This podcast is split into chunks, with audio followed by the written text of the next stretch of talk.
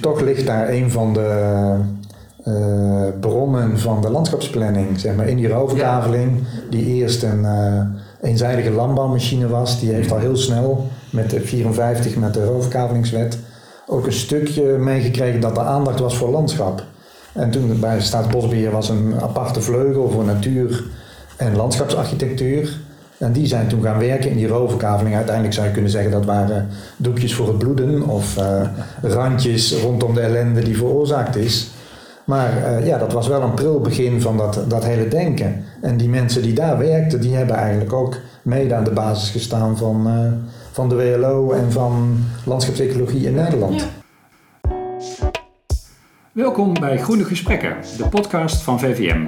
Wij zijn Laurie Kos en Richard van Galen. We spreken vandaag met maar liefst drie gasten. Jos Dekker, Jos Verhul en Niek Hazendonk. Jullie zijn alle drie actief voor de WLO, de werkgemeenschap voor landschapsonderzoek, die al sinds 72 bestaat. Of eigenlijk bestond, want sinds kort is WLO een sectie van VVM. Tijdens dit gesprek leren we jullie graag beter kennen. Welkom heren, fijn dat jullie bij Groene Gesprekken te gast zijn. Uh, ik ga jullie uh, alle drie kort even introduceren aan onze luisteraars. Um, Niek Hazendonk hier links van mij, welkom. Uh, afgestudeerd landschapsarchitect aan de Wageningen Universiteit. En nu werkzaam bij het ministerie van Landbouw, Natuur en Voedselkwaliteit. In het midden heb ik voor mij Jos Dekker. Hij is afgestudeerd landschapsecoloog. Um, lesgegeven over natuur- en landschapsbeleid. Nu alweer tien jaar met pensioen. En is hoofdredacteur van Landschap, het wetenschappelijke tijdschrift dat de WLO uitgaf en dat nu vanuit de VVM wordt uitgegeven. En dan hier rechts van mij heb ik Jos Verheul, uh, afgestudeerd chemisch technoloog. Naar eigen zeggen het hele leven in de bodem gezeten. Um, en ook een oude bekende van de VVM, begreep ik, want al actief in de sectie bodem- en landgebruik van de VVM. En vorig jaar met pensioen gegaan. Nou, nogmaals welkom, alle drie. Um, ja, als eerste, jullie komen vanuit de WLO. Uh, die afkorting staat voor Werkgemeenschap voor Landschapsonderzoek. Die nu dus opgaat in de sectie Landschap van de VVM. Kunnen jullie ons eerst eens meenemen in wat de WLO uh, was en waarom dit uh, destijds is gestart? Jos Dekker, kan ik jou daar eerst het woord voor geven? Um, de WLO is in 1972 opgericht. Uh, heette toen de werkgemeenschap uh, voor landschapsecologisch onderzoek. Het waren uh, vooral landschapsecologen en mensen met een verwante discipline, zoals bodemkundigen, geografen, landschapshistorici en zo, die de WLO toen hebben opgericht. Er was dringend behoefte aan meer kennis van het landschap. Ook toen waren er al grote maatschappelijke ontwikkelingen gaande die impact hadden op het landschap. De kennis was erg versnipperd. En, men had dus behoefte om uh, onderzoek te ontwikkelen. Het doel van de WLO was om uh, theorie rond landschap en landschapsecologie te ontwikkelen, onderzoek te doen en te stimuleren en toepassingen mogelijk te maken. Het woord landschap, het, begrip, het centrale begrip zeg maar, van deze vereniging, moest toen nog min of meer gedefinieerd worden. Uh, er stonden allerlei opvattingen over uh, landschap. Uh, we hebben in Nederland beroemde landschapsschilders gehad in de 17e eeuw al. In de literatuur kwam het op alle mogelijke manieren voor. Er waren ook al wetenschappers mee bezig, maar vanuit hun eigen disciplines, de fysische geografie, de bodemkunde, water, vegetatiekunde. Maar een gemeenschappelijk concept was in Nederland nog niet goed gedefinieerd. In het buitenland al wel, maar in Nederland nog niet goed. Dus dat was jullie eerste klus? En dat was de eerste klus. En dat heeft onder andere geleid tot een uh, boekje Landschapstaal, waar een aantal begrippen gedefinieerd werden uh, wat, die met landschap te maken. Onder andere de definitie van landschap. Want in Nederland was nog geen gedeelde definitie over wat landschap is. Bestaat die definitie nog steeds zoals je hem toen hebt gedefinieerd? Of, nou, dat denk ik niet. uh, ik heb hem toen niet gedefinieerd, maar hij is in 1982 of zoiets in een boekje verschenen, dat heet de Landschapstaal. En daar staat een definitie. En als je nu vraagt of ik die uit mijn hoofd kan reproduceren, is dat lastig. Maar iets met uh, Ik heb trouwens wel bijna. En Nick had ook een definitie gegeven van landschap. En dat is alweer een heel andere dan die in dat boekje Landschapstaal staat. Maar het heeft iets te maken met dat er verschillende werkingssferen zijn. Uh, bodem, water, lucht, vegetatie. Die interacteren met elkaar. En uh, het landschap is dat systeem van uh, interacterende werkingssferen. Een relatiestelsel werd het genoemd. met een onmogelijk begrip om aan buitenlanders, buitenstanders staanders uit te leggen wat een relatiestelsel is. Maar dat geeft wel een beetje aan dat het een hele wetenschappelijke opvatting uh, is. En het was ook vrij sterk toch georiënteerd op de, uh, de fysieke kenmerken. De, cultuur, historie enzovoort hingen er een beetje bij, maar waren niet echt hele belangrijke concepten. Belangrijk was wel dat men streefde naar integratie van al die uh, verschillende disciplines die er waren. En dat is nog steeds een heel relevant thema. want de WLO heeft best een hele stimulans gegeven aan het landschapsecologisch onderzoek in Nederland. Er zijn ook leerstoelen voor gekomen, professoren voor gekomen, mede dankzij de WLO.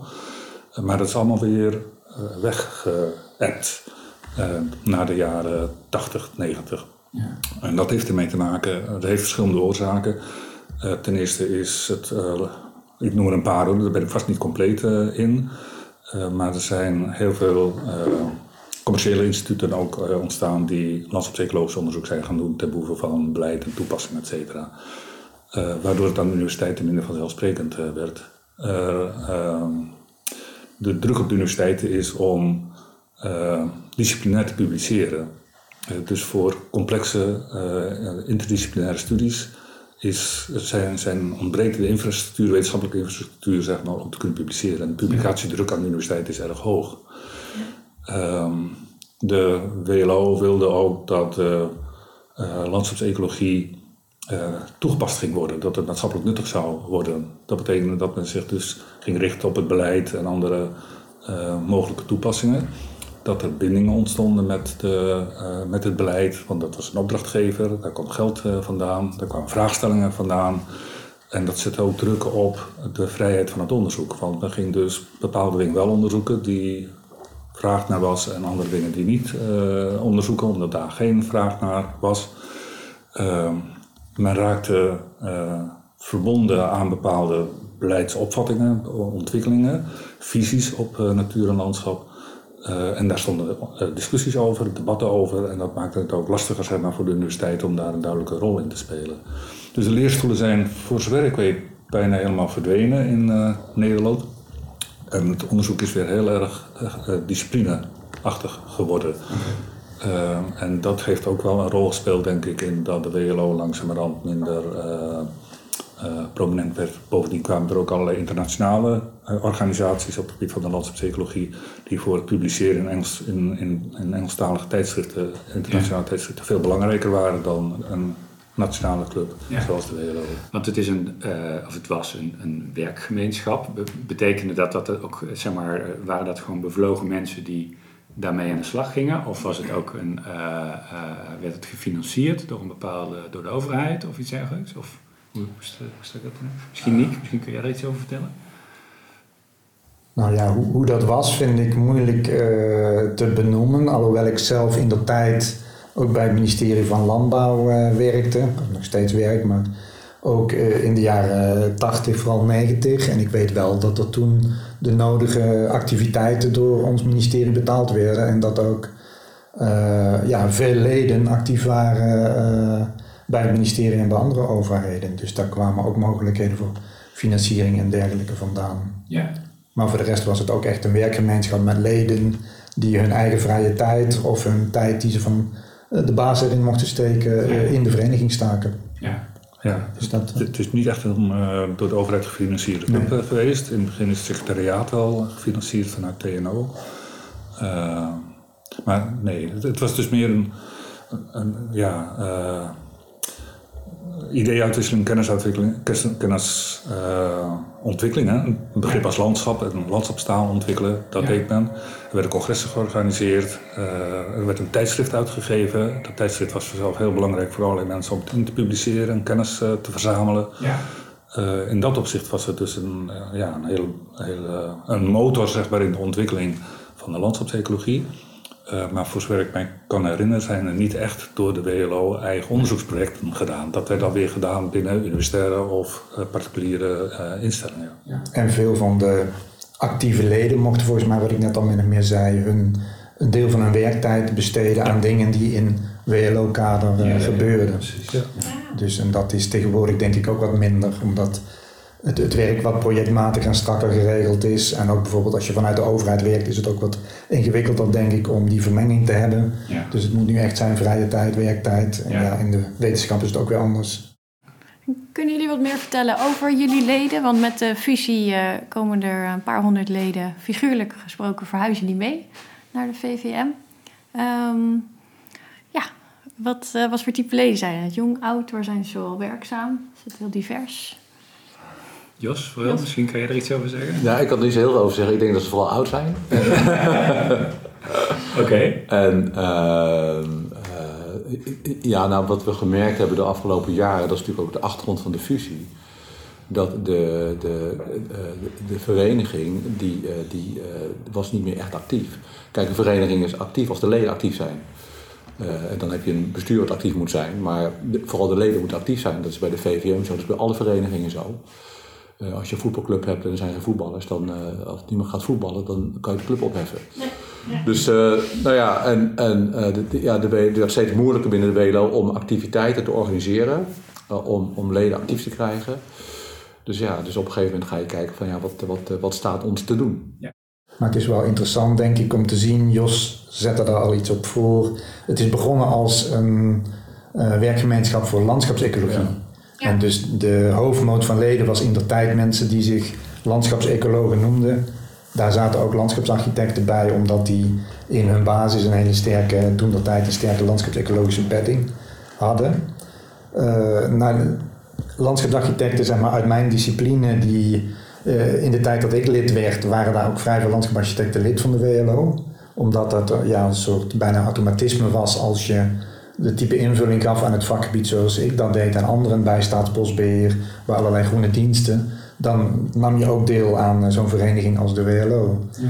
En dat heb ik toch gezien als je nu door de ledenlijsten scant, dat we hooguit tien landschapsarchitecten of mensen die zich als zodanig beschouwen als lid hebben. Dus dat is wat afgenomen. Terwijl tegelijkertijd heb je door de uh, eh, 50 jaar heen gezien dat de WLO zich wilde verbreden van een landschapsecologische uh, club naar een club die ging voor landschapsonderzoek. Wat dus vele malen breder is, omdat dat landschapsbegrip, wat heel mooi is, is een ontzettend veelzijdig en uh, breed begrip. En dus allerlei disciplines, Jos noemde er al een paar, maar je kunt het aanvliegen vanuit de beleving, vanuit de cultuur, vanuit uh, meer de natuur en ecologie vanuit uh, ontwerp en planning. En dat is in meer of mindere mate door de geschiedenis van de WLO heen geslaagd. En op een gegeven moment ook minder geslaagd, waardoor bepaalde leden die vanuit disciplines het, het bekeken, vertrokken of minder geanimeerd waren om deel te nemen. Ja, ja. En, de vorige voorzitter van de WLO, Matthijs Schouten, die uh, is ook een soort uh, natuurfilosoof, landschapsfilosoof. die heeft een keer ook een verhaal gehouden in een tijdschrift en voor de, de, de, de, WLO. Waarin hij aangaf dat die link tussen het fysieke landschap, bodem, water, lucht, vegetatie, etc. en die culturele laag die er ook aan dat, bij dat landschap hoort, waardoor mensen waarde toekennen aan het landschap uh, die iets zeggen over de geschiedenis uh, van gebruik, van bewoning, hoe mensen zich hebben laten bepalen door landschapsstructuren om daar dit te doen en daar niet iets anders te doen.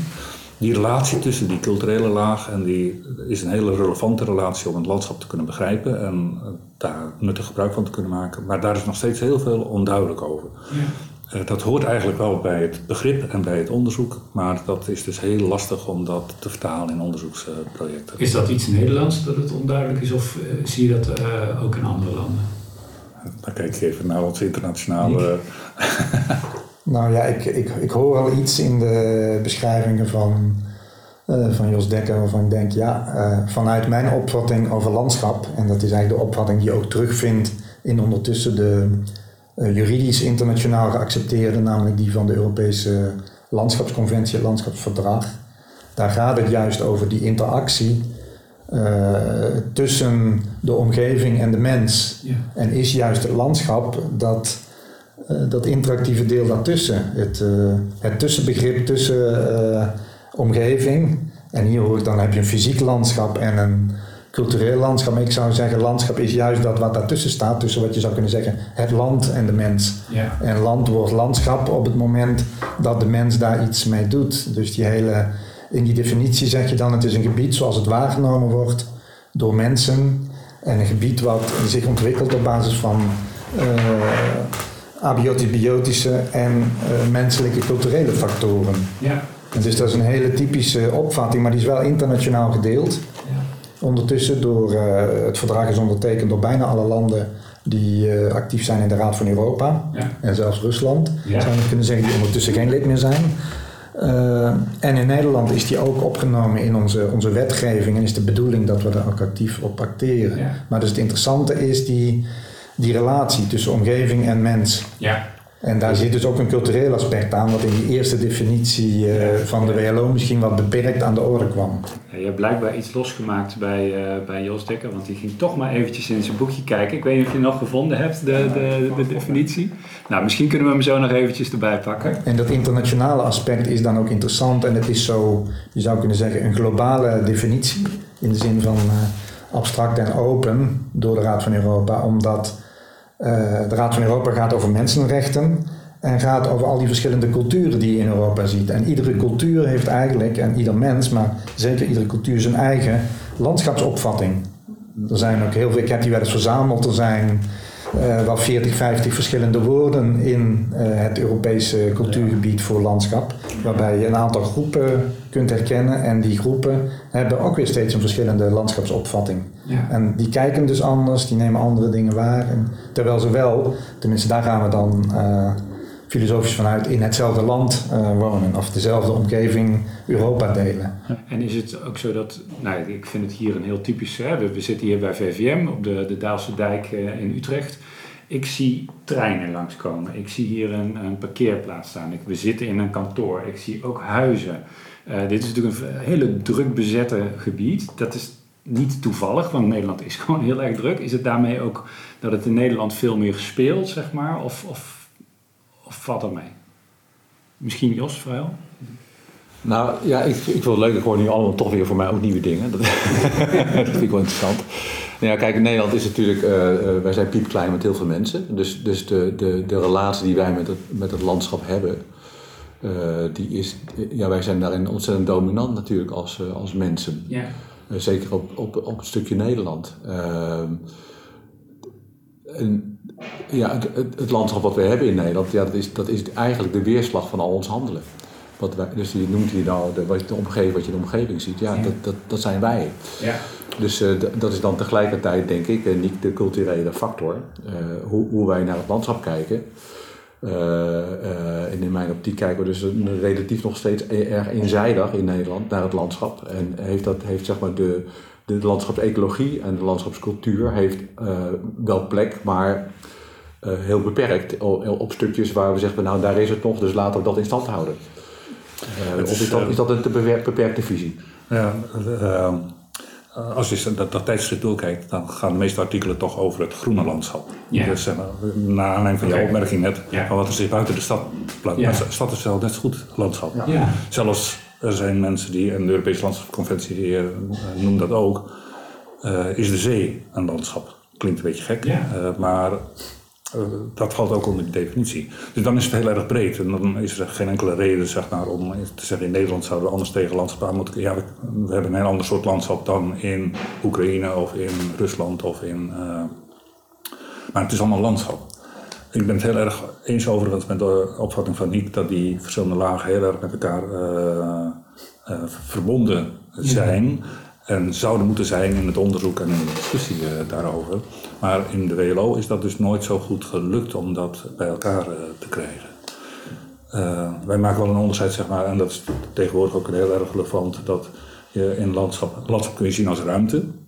Een, een daar kun je van alles in doen. En dat staat ons ook heel erg te wachten de komende tijd met de woningopgave, met de energietransitieopgave en met uh, klimaatopgave, klimaatadaptatie en de aanpassing van het landschap. We hebben een aantal grote transities die op ons afkomen. En daar is het landschap een prachtige ruimte voor om dat allemaal in te. Nee, zeggen wij, landschap is ook een systeem, een ecosysteem.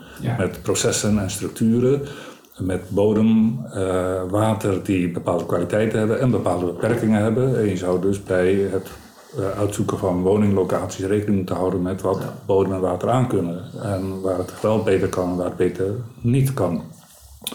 Dat is, heel lang is dat een tijdje verdwenen. Hè. Je kon alles overal doen. En daar krijgen we wijken die nu verzakken omdat de waterstand niet klopt, zoals in Gouda. En, uh, en dan gaan we steeds meer stemmen op van nee, we moeten de, opnieuw terug naar de, uh, de karakteristieke kwaliteit, of de relevante kwaliteiten van bodem, water, uh, andere aspecten van het landschap. Als we die grote transities die op ons afkomen, net genoemd, een plek willen gaan geven. En daar ligt een enorme uitdaging. En wat dat betreft is het uh, ook wel weer goed dat we nu een minister hebben voor ruimtelijke ordening. Hoewel die ministers kunnen hele goede dingen doen en die kunnen ook hele foute dingen doen, als ik dat mag zeggen.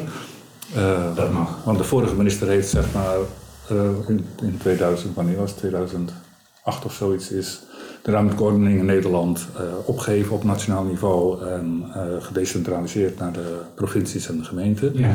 En sommige provincies hebben het heel goed gedaan en andere die doen er niet zoveel aan en laten gebeuren wat er gebeurt. Maar als je zoveel dingen tegelijkertijd een plek wil geven in dat dichtbevolkte Nederland, ja. en 900.000 woningen, uh, er moeten er veel meer energielandschappen komen, wind en zon, gezien de klimaatopgave, maar nu ook weer de noodzaak om onafhankelijk te worden van. Ja. ja. De landbouw moet hervormd worden, ook ruimtelijk. We hebben een natuurnetwerk, maar dat is nog lang niet af en nog lang niet voldoende.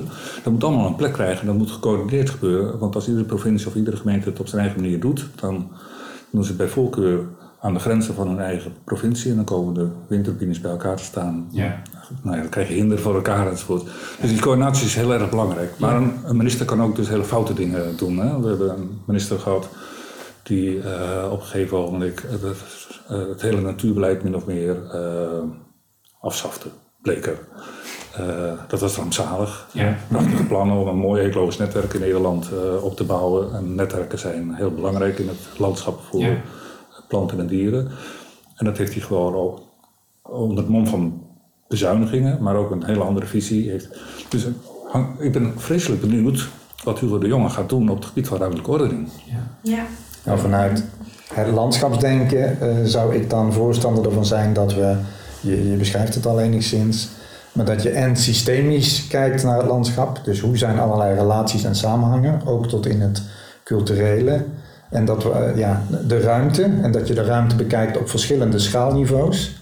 Uh, dat is typisch voor het landschapsdenken, denk ik, door de schaalniveaus heen, van het hele kleine ja. tot het internationale en daar de samenhangen zien. Dat wordt vaak vergeten, maar ook dat je door de tijd heen kijkt.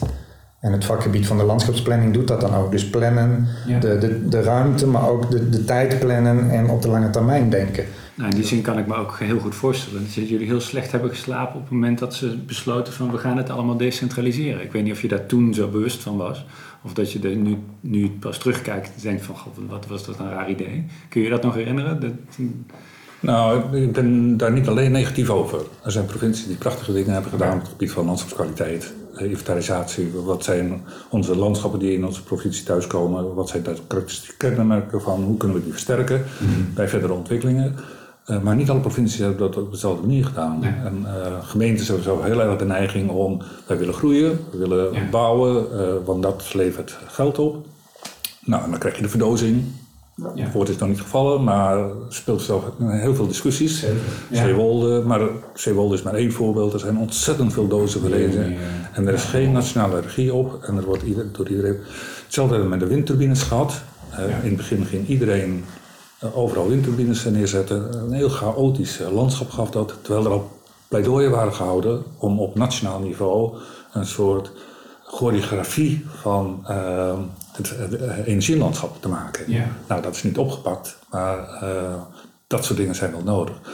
Provincies en gemeenten kunnen hele mooie dingen doen, dus dat hoeft. En ik denk dat het een soort wisselwerking moet zijn tussen wat op het ene niveau gebeurt en het op het Nou, vanuit uit landschap eh, zou je, als je dat systemisch bekijkt, moeten bedenken wat moet je op welk schaalniveau aanpakken. Ja. En als je dus door de ruimte en de tijd heen ziet hoe die verbanden liggen, ja, dan heb je inzicht in hoe je dat moet benaderen. Neem nou die hele energiediscussie, ja, dat is een internationaal vraagstuk en dat vergt dingen op alle schaalniveaus. En dus op alle schaalniveaus, als je dat zou zeggen, dan laten we helemaal de energieplanning aan de provincies over. Dat kan niet, want dat, Nee. dat is internationale netwerken, internationale verbanden. Het ene land daar waait het harder of schijnt meer de zon. Ja. Daar moeten dus internationale afspraken over gemaakt worden. En dan vervolgens nationaal en, en die wisselwerking die moet je mogelijk houden. En dus eh, vaak gaan dat soort bureaucratische beslissingen over decentralisatie eh, niet per se verstandig en worden de knippen niet op de juiste plek gelegd en doorbreek je ook bepaalde verbanden. Het grote probleem van Bleker was dat hij gewoon zei: wij doen het niet meer op nationaal niveau. Dat gold ook voor de ruimte. Zoek het maar uit op Ja. provinciaal niveau. In plaats van dat ze daar fondsen voor beschikbaar stelden en toch een soort uh, Nou coördinerende regiefunctie wilden houden. Maar Bij natuur was er in ieder geval nog een afspraak over dit zijn de gelden. Daar werd in gekrompen, maar deze gelden gaan naar de provincie toe. En jullie hebben die en die taken. Maar voor het onderdeeltje landschap, en in dat geval was dat wel smal, smal landschapsbegrip, dus het ging over groene landschapselementen en dergelijke. Daar was het echt, we zetten het over de heg. En dus doe er maar mee wat je wilt. Iets wat overigens geheel niet volgens de Europese Landschapsconventie is. Dat werd wel be- beweerd. Daar, daar ging men uit van subsidiariteit. Eigenlijk hetzelfde wat ik net betoogde. Eh, doe iets op eh, het beste niveau. En dan kun je dus gewoon in een land zelf beslissen wat het beste niveau is. Maar dat is iets anders dan gewoon bedenken, het komt ons even niet uit. En we leggen het bij de provincie neer. En de provincie kan zeggen, we leggen het bij de gemeentes neer. Ja. Nee, dan moet je heel duidelijk met elkaar afspraken maken. Ja. Als je vindt dat landschap een overheidsverantwoordelijkheid is, wie dan wat doet. En het niet dus over de heg gooien om het heel. Dus de, de visie en de aanpak is ook best wel veel veranderd door de tijd heen eigenlijk. Als ik kijk naar jullie zijn opgericht in 1972, als ik het goed heb. De visie op landschap en de aanpak van eh, binnen overheden is eigenlijk best veranderd ook. Begrijp ik dat goed? Nee, je wordt ook ingehaald door de tijd natuurlijk. In, in de zin dat, dat eh, eh, de, de- de belangen zijn totaal anders komen te liggen. Nu, is, nu, is, nu ligt er enorm belang bij, eh, bij energie. Eh, er ligt een enorm belang bij, eh, bij grondstoffen. Er ligt een enorm belang bij landbouw. Dus, dus dan, maar omdat we kijken dus niet interdisciplinair, om het zo maar te zeggen, naar hoe je die belangen kan verenigen. En, eh, en in hoeverre we bereid zijn om be- bepaalde belangen eh, iets minder mee te laten wegen. En andere belangen iets zwaarder te laten wegen. Dus de afweging is, is, eh, is, wordt gedomineerd door de, door de actualiteit. Ja. Door de problematiek van het moment. Nou, nu is het energie en, en klimaat. En over een paar jaar is het, is het weer wat anders. Dus, je de, dus de, de, er is geen getrapte afweging. Dat vind ik wel interessant dat je zegt van het is nu energie en klimaat en over een paar jaar is het iets anders. Ehm wij heten Groene Gesprekken, we hebben het vaak over duurzaamheid eh, hierin. Eh, ehm, is het niet zo dat zeg maar, klimaatverandering de komende decennia eigenlijk gewoon wel ons, eh, onze inrichting van het landschap gaat bepalen? In de zin van, nou, wat ik zelf heel interessant vind, is dat er nu bijvoorbeeld nog stevig gebouwd wordt in Ehm, nou, ik, ik noem ergens een, een diep punt in Zuid-Holland. Terwijl je kan voorstellen dat het eigenlijk helemaal... Nee, je noemde Gouda al eventjes, uh, Jos Dekker. Ehm, dat het eigenlijk helemaal niet meer zo slim is. Nee, dat is zeker niet slim. Je kan alles wat uh, uh, ten westen ligt van, uh, van de lijn A28, nog een stukje naar, verder naar het zuiden, A, A, A2... alles wat daar van ten, ten westen ligt, daar zou je eigenlijk niet meer moeten bouwen. Nee. Een, een belangrijk thema is in dit verband die beperkte ruimte, de, de, grote opgaven die er op ons afkomen, die enorme transities die er komen. Klimaatadaptatie uh, is er ook eentje. Uh, waar, hoe, hoe, kunnen we met, de, met, het, met de, grote, de, de, de veranderende uh, regenval, nat, droog, rivieren aanvoeren, stijgende zeespiegel omgaan? Daar hebben we ruimte voor nodig in het in het uh, land. Maar we moeten ook woningbouwopgaven realiseren. We moeten duurzame energie een plek geven. En de grote opgave is in hoeverre kan je dat op een slimme, verantwoorde manier combineren. Dus het begrip multifunctioneel is een term die tegenwoordig heel veel hoort als het gaat om uh, landschapsontwikkeling, landschapsvormgeving. Uh, landschapsarchitecten zijn ermee bezig. Uh, landschapsecologen helaas in Nederland niet zo heel erg, maar het, het, thema is heel erg belangrijk. En je kunt heel veel dingen heel goed combineren. landbouw en natuur is wel een hele oude discussie, ook een hele moeizame discussie. voortdurend worden daar wel ideeën voor ontwikkeld. nieuwe vormen van landbouw die ook natuur- of landschapsinclusief zijn. Mm. Uh, maar voor wonen kan je dat ook voorstellen. Wonen en water is zelf een hele interessante combinatie. Kan je uh, energie en water. Hè. Uh, Amsterdam, groot probleem met die 17 windmolens die daar moeten komen. moeten die in het water komen? Maar het water is ook een natuurgebied. Of moeten die dan toch maar naar de Noordzee toe? dat is een wat gemakkelijke opgave.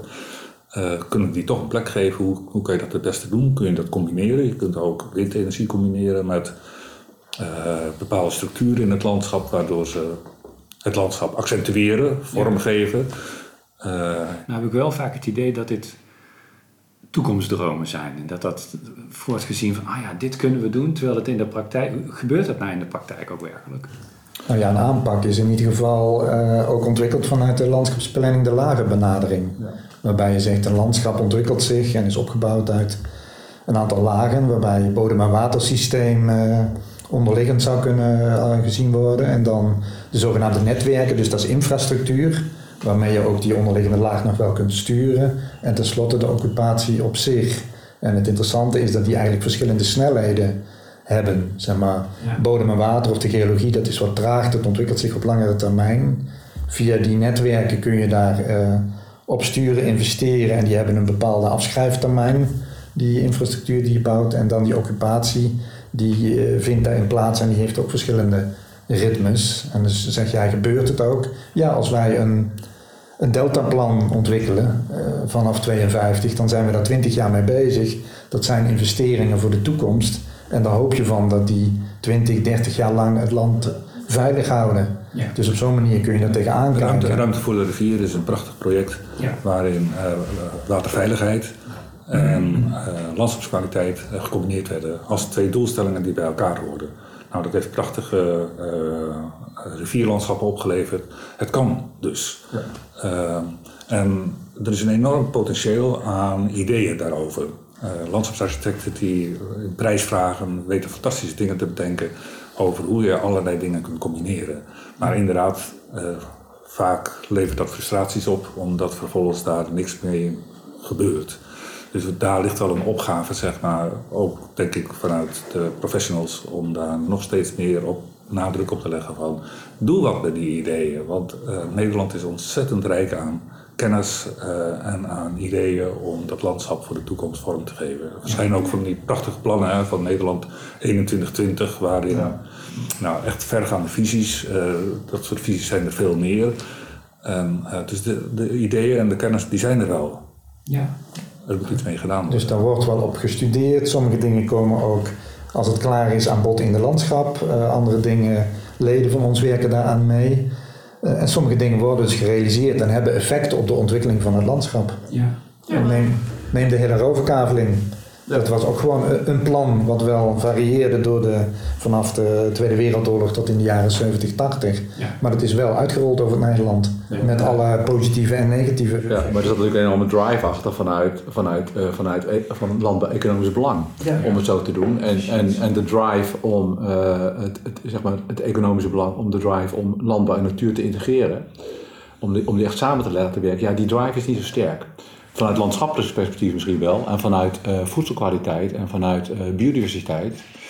Uh, maar vanuit economisch belang is die, die, de, de, de onderlegger. Die, Toch ligt daar een van de bronnen van de landschapsplanning. Zeg maar, in die roverkaveling, die eerst een eenzijdige landbouwmachine was, die heeft al heel snel met de 54 met de roverkavelingswet ook een stukje meegekregen dat er aandacht was voor landschap. En toen bij Staatsbosbeheer was een aparte vleugel voor natuur en landschapsarchitectuur. En die zijn toen gaan werken in die roverkaveling. Uiteindelijk zou je kunnen zeggen dat waren doekjes voor het bloeden of uh, randjes rondom de ellende die veroorzaakt is. Maar uh, ja, dat was wel een pril begin van dat, dat hele denken. En die mensen die daar werkten, die hebben eigenlijk ook mede aan de basis gestaan van, uh, van de WLO en van landschapsecologie in Nederland. Ja. Maar, maar die, die, die, die, die strategieën, zou ik maar zeggen, die zou je nu toch ook kunnen toepassen op meervoudig ruimtegebruik of meervoudig landgebruik? Diezelfde strategieën? Ja. Dus, maar, maar, er is niet alleen ontzettend veel kennis, er is niet alleen ontzettend veel uh, ideeën. Er is best ook heel veel power in Nederland uh, voor de aanpassing van het landschap. Ja. Ruimte voor de virus voorbeeld, Delta-project is allemaal een hele ruilverkabelingsmachine. Dat kan wel. Uh, er is een prachtig boek verschenen over een eeuw mensen en landschap van, ik weet even niet meer. Auke van der Woud. Auke van der Woud. Prachtig boek en die laat zien hoe die eeuw van 1850 tot 1950 het Nederlandse landschap ook al ontzettend is veranderd. Ja. En daar zijn hele lelijke dingen uit voortgekomen, maar er zijn ook hele mooie dingen voor. Ja. Maar het geeft aan dat Nederland een enorme power heeft om het landschap aan te passen aan de transities die er gedaan moeten gaan worden. Ja. Alleen, uh, we beschikken nu over veel meer kennis en ideeën dan toen de tijd. En de vraag is om die in die uh, in die power in te implementeren. Ja. Ja. Maar ik ben wel positief dat jullie uh, de kansen zien.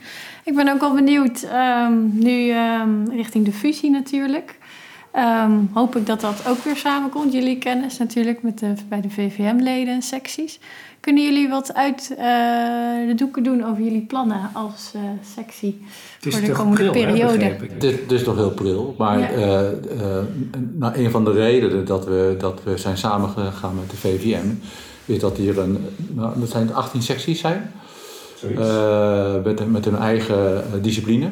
Uh, en dat je dus vanuit het landschap heel erg uh, juist goed kan samenwerken met die andere secties om, om thema's te adresseren en, en daar activiteit op te organiseren. Dus dat, de, omdat in, in het landschap is eigenlijk een heel geïntegreerd systeem waarin heel veel problematieken die in aparte secties worden behandeld, klimaat, energie, water, bodem- en landgebruik, ja, dat, dat vindt allemaal ergens plaats in, in een landschap. Dus wij zien daar heel veel kansen om, uh, om juist meer samen te werken op die, op die disciplines. Leuk. Dus dat is bij deze ook een uitnodiging, denk ik, voor onze ja, het is gelijk een uitnodiging. Even doorgaan. Gisteren hebben we een eerste vergadering gehad. Ja. Nou ja, ja gisteren hebben we om, om, om uh, nou, we gaan, willen gelijk zeg maar nog in april uh, één of twee activiteiten organiseren. Eentje rond het gebruik van insecticiden en de effecten op, uh, op natuur en, Ja. en landschap. Mhm. Uh, en eentje rond landschapsbiografieën. ja, dus daar gaan we ook de samenwerking voor zoeken. Nationale parken. Nationale Park, sorry, Nationale Park Nieuwstel. Ja, ja, ja, ja. Ja. En, uh, en dat, dat zijn natuurlijk actuele, actuele thema's. Uh, Nationaal Park uh, Nieuwe Stijl, met name ook rond natuur en landbouw. Mhm. Uh, ja, dan moet je dus gelijk, nou, dan heb je de sectie uh, landbouw en voedsel. Nou, Ja. Dan kan je samen dingen in gang gaan zetten. Mooi. Zijn er nog mensen welkom bij jullie sectie? Zeer. Zeer. Nou, leuk. En het liefst van uit verschillende achtergronden. Oké, ja. Want ehm, eh, nou, we hadden het er net al even over. We, we proberen hier altijd een divers eh, pluimage aan mensen eh, op de, achter de microfoons te krijgen. Eh, eh, groot, klein, wit, zwart, eh, eh, eh, vrouw, man, noem, maar, noem maar op. Ehm, ik zie hier drie eh, wat oudere mannen voor me. Ja. Eh, het- maar de- jullie zijn aan het verjongen, maar denk ik, of niet? Of, eh, Um, je bedoelt als we aan het verjongen? Of, ja, dat, dat willen we natuurlijk wel. Maar Ja. de, eh, dat, ja, dat is vooral kijken in je eigen netwerk. En wat mij betreft is het gewoon bellen. Eh, van heb jij zin om? Ja. Eh, want als je een oproep doet, dan... eh, nou, de ervaring leert dat oproepen niet heel eh, enthousiast worden beantwoord. Maar als je mensen gaat bellen... eh, en je hebt een enthousiast verhaal... en wil je mee gaan doen in ja. de sectie... dan, dan, is het, dan, dan lukt het vaak wel. Nou, ik hoop dat deze podcast er ook aan bij kan dragen. Ja. Eh, jullie hebben een, een mooi verhaal en ik denk dat het heel interessant is om die, nou ja, juist die breedte, hè, ook en, en die, die, die, die aanknopingspunten tussen allerlei andere secties, maakt wel dat, eh, de, eh, dat het een super interessant onderwerp is volgens mij om, eh, eh, om je in te verdiepen. het fijne Zeker. natuurlijk ook van, eh, als je lid bent van VVM, je kan ook gewoon naar een, eh, een sessie toe van jullie sectie Ja. eh, om eens te proeven. Eh, misschien hebben jullie nog niets op de planning staan, eh, letterlijk. Nou, of in ieder geval, ja, je, je zei net al wat je, wat je op de planning hebt. Ja, de komende week gaan we dat eh, concreet maken Ja. met, eh, met, eh, met het bureau, met het VVM-bureau. Leuk. Ja. Hartstikke goed. Oké. Dan eh, Ja. wil ik jullie heel erg bedanken voor jullie komst. Ehm, bedankt voor het interview. En eh, ook bedankt aan jou, luisteraar. Mocht je nou vragen hebben, stel ze dan gerust. Bijvoorbeeld in een comment onder de podcast op Soundcloud of via vvm.info. En deze podcast is er een in de reeks Groene Gesprekken van de VVM, de Vereniging van Milieuprofessionals. Op onze website kom je meer te weten over de sectie landschap van de VVM. En de VVM organiseert de komende tijd weer veel live activiteiten, dus kom vooral. Op 14 en 15 juni is bijvoorbeeld de Nationale Milieudag. Tot de volgende Groene Gesprekken.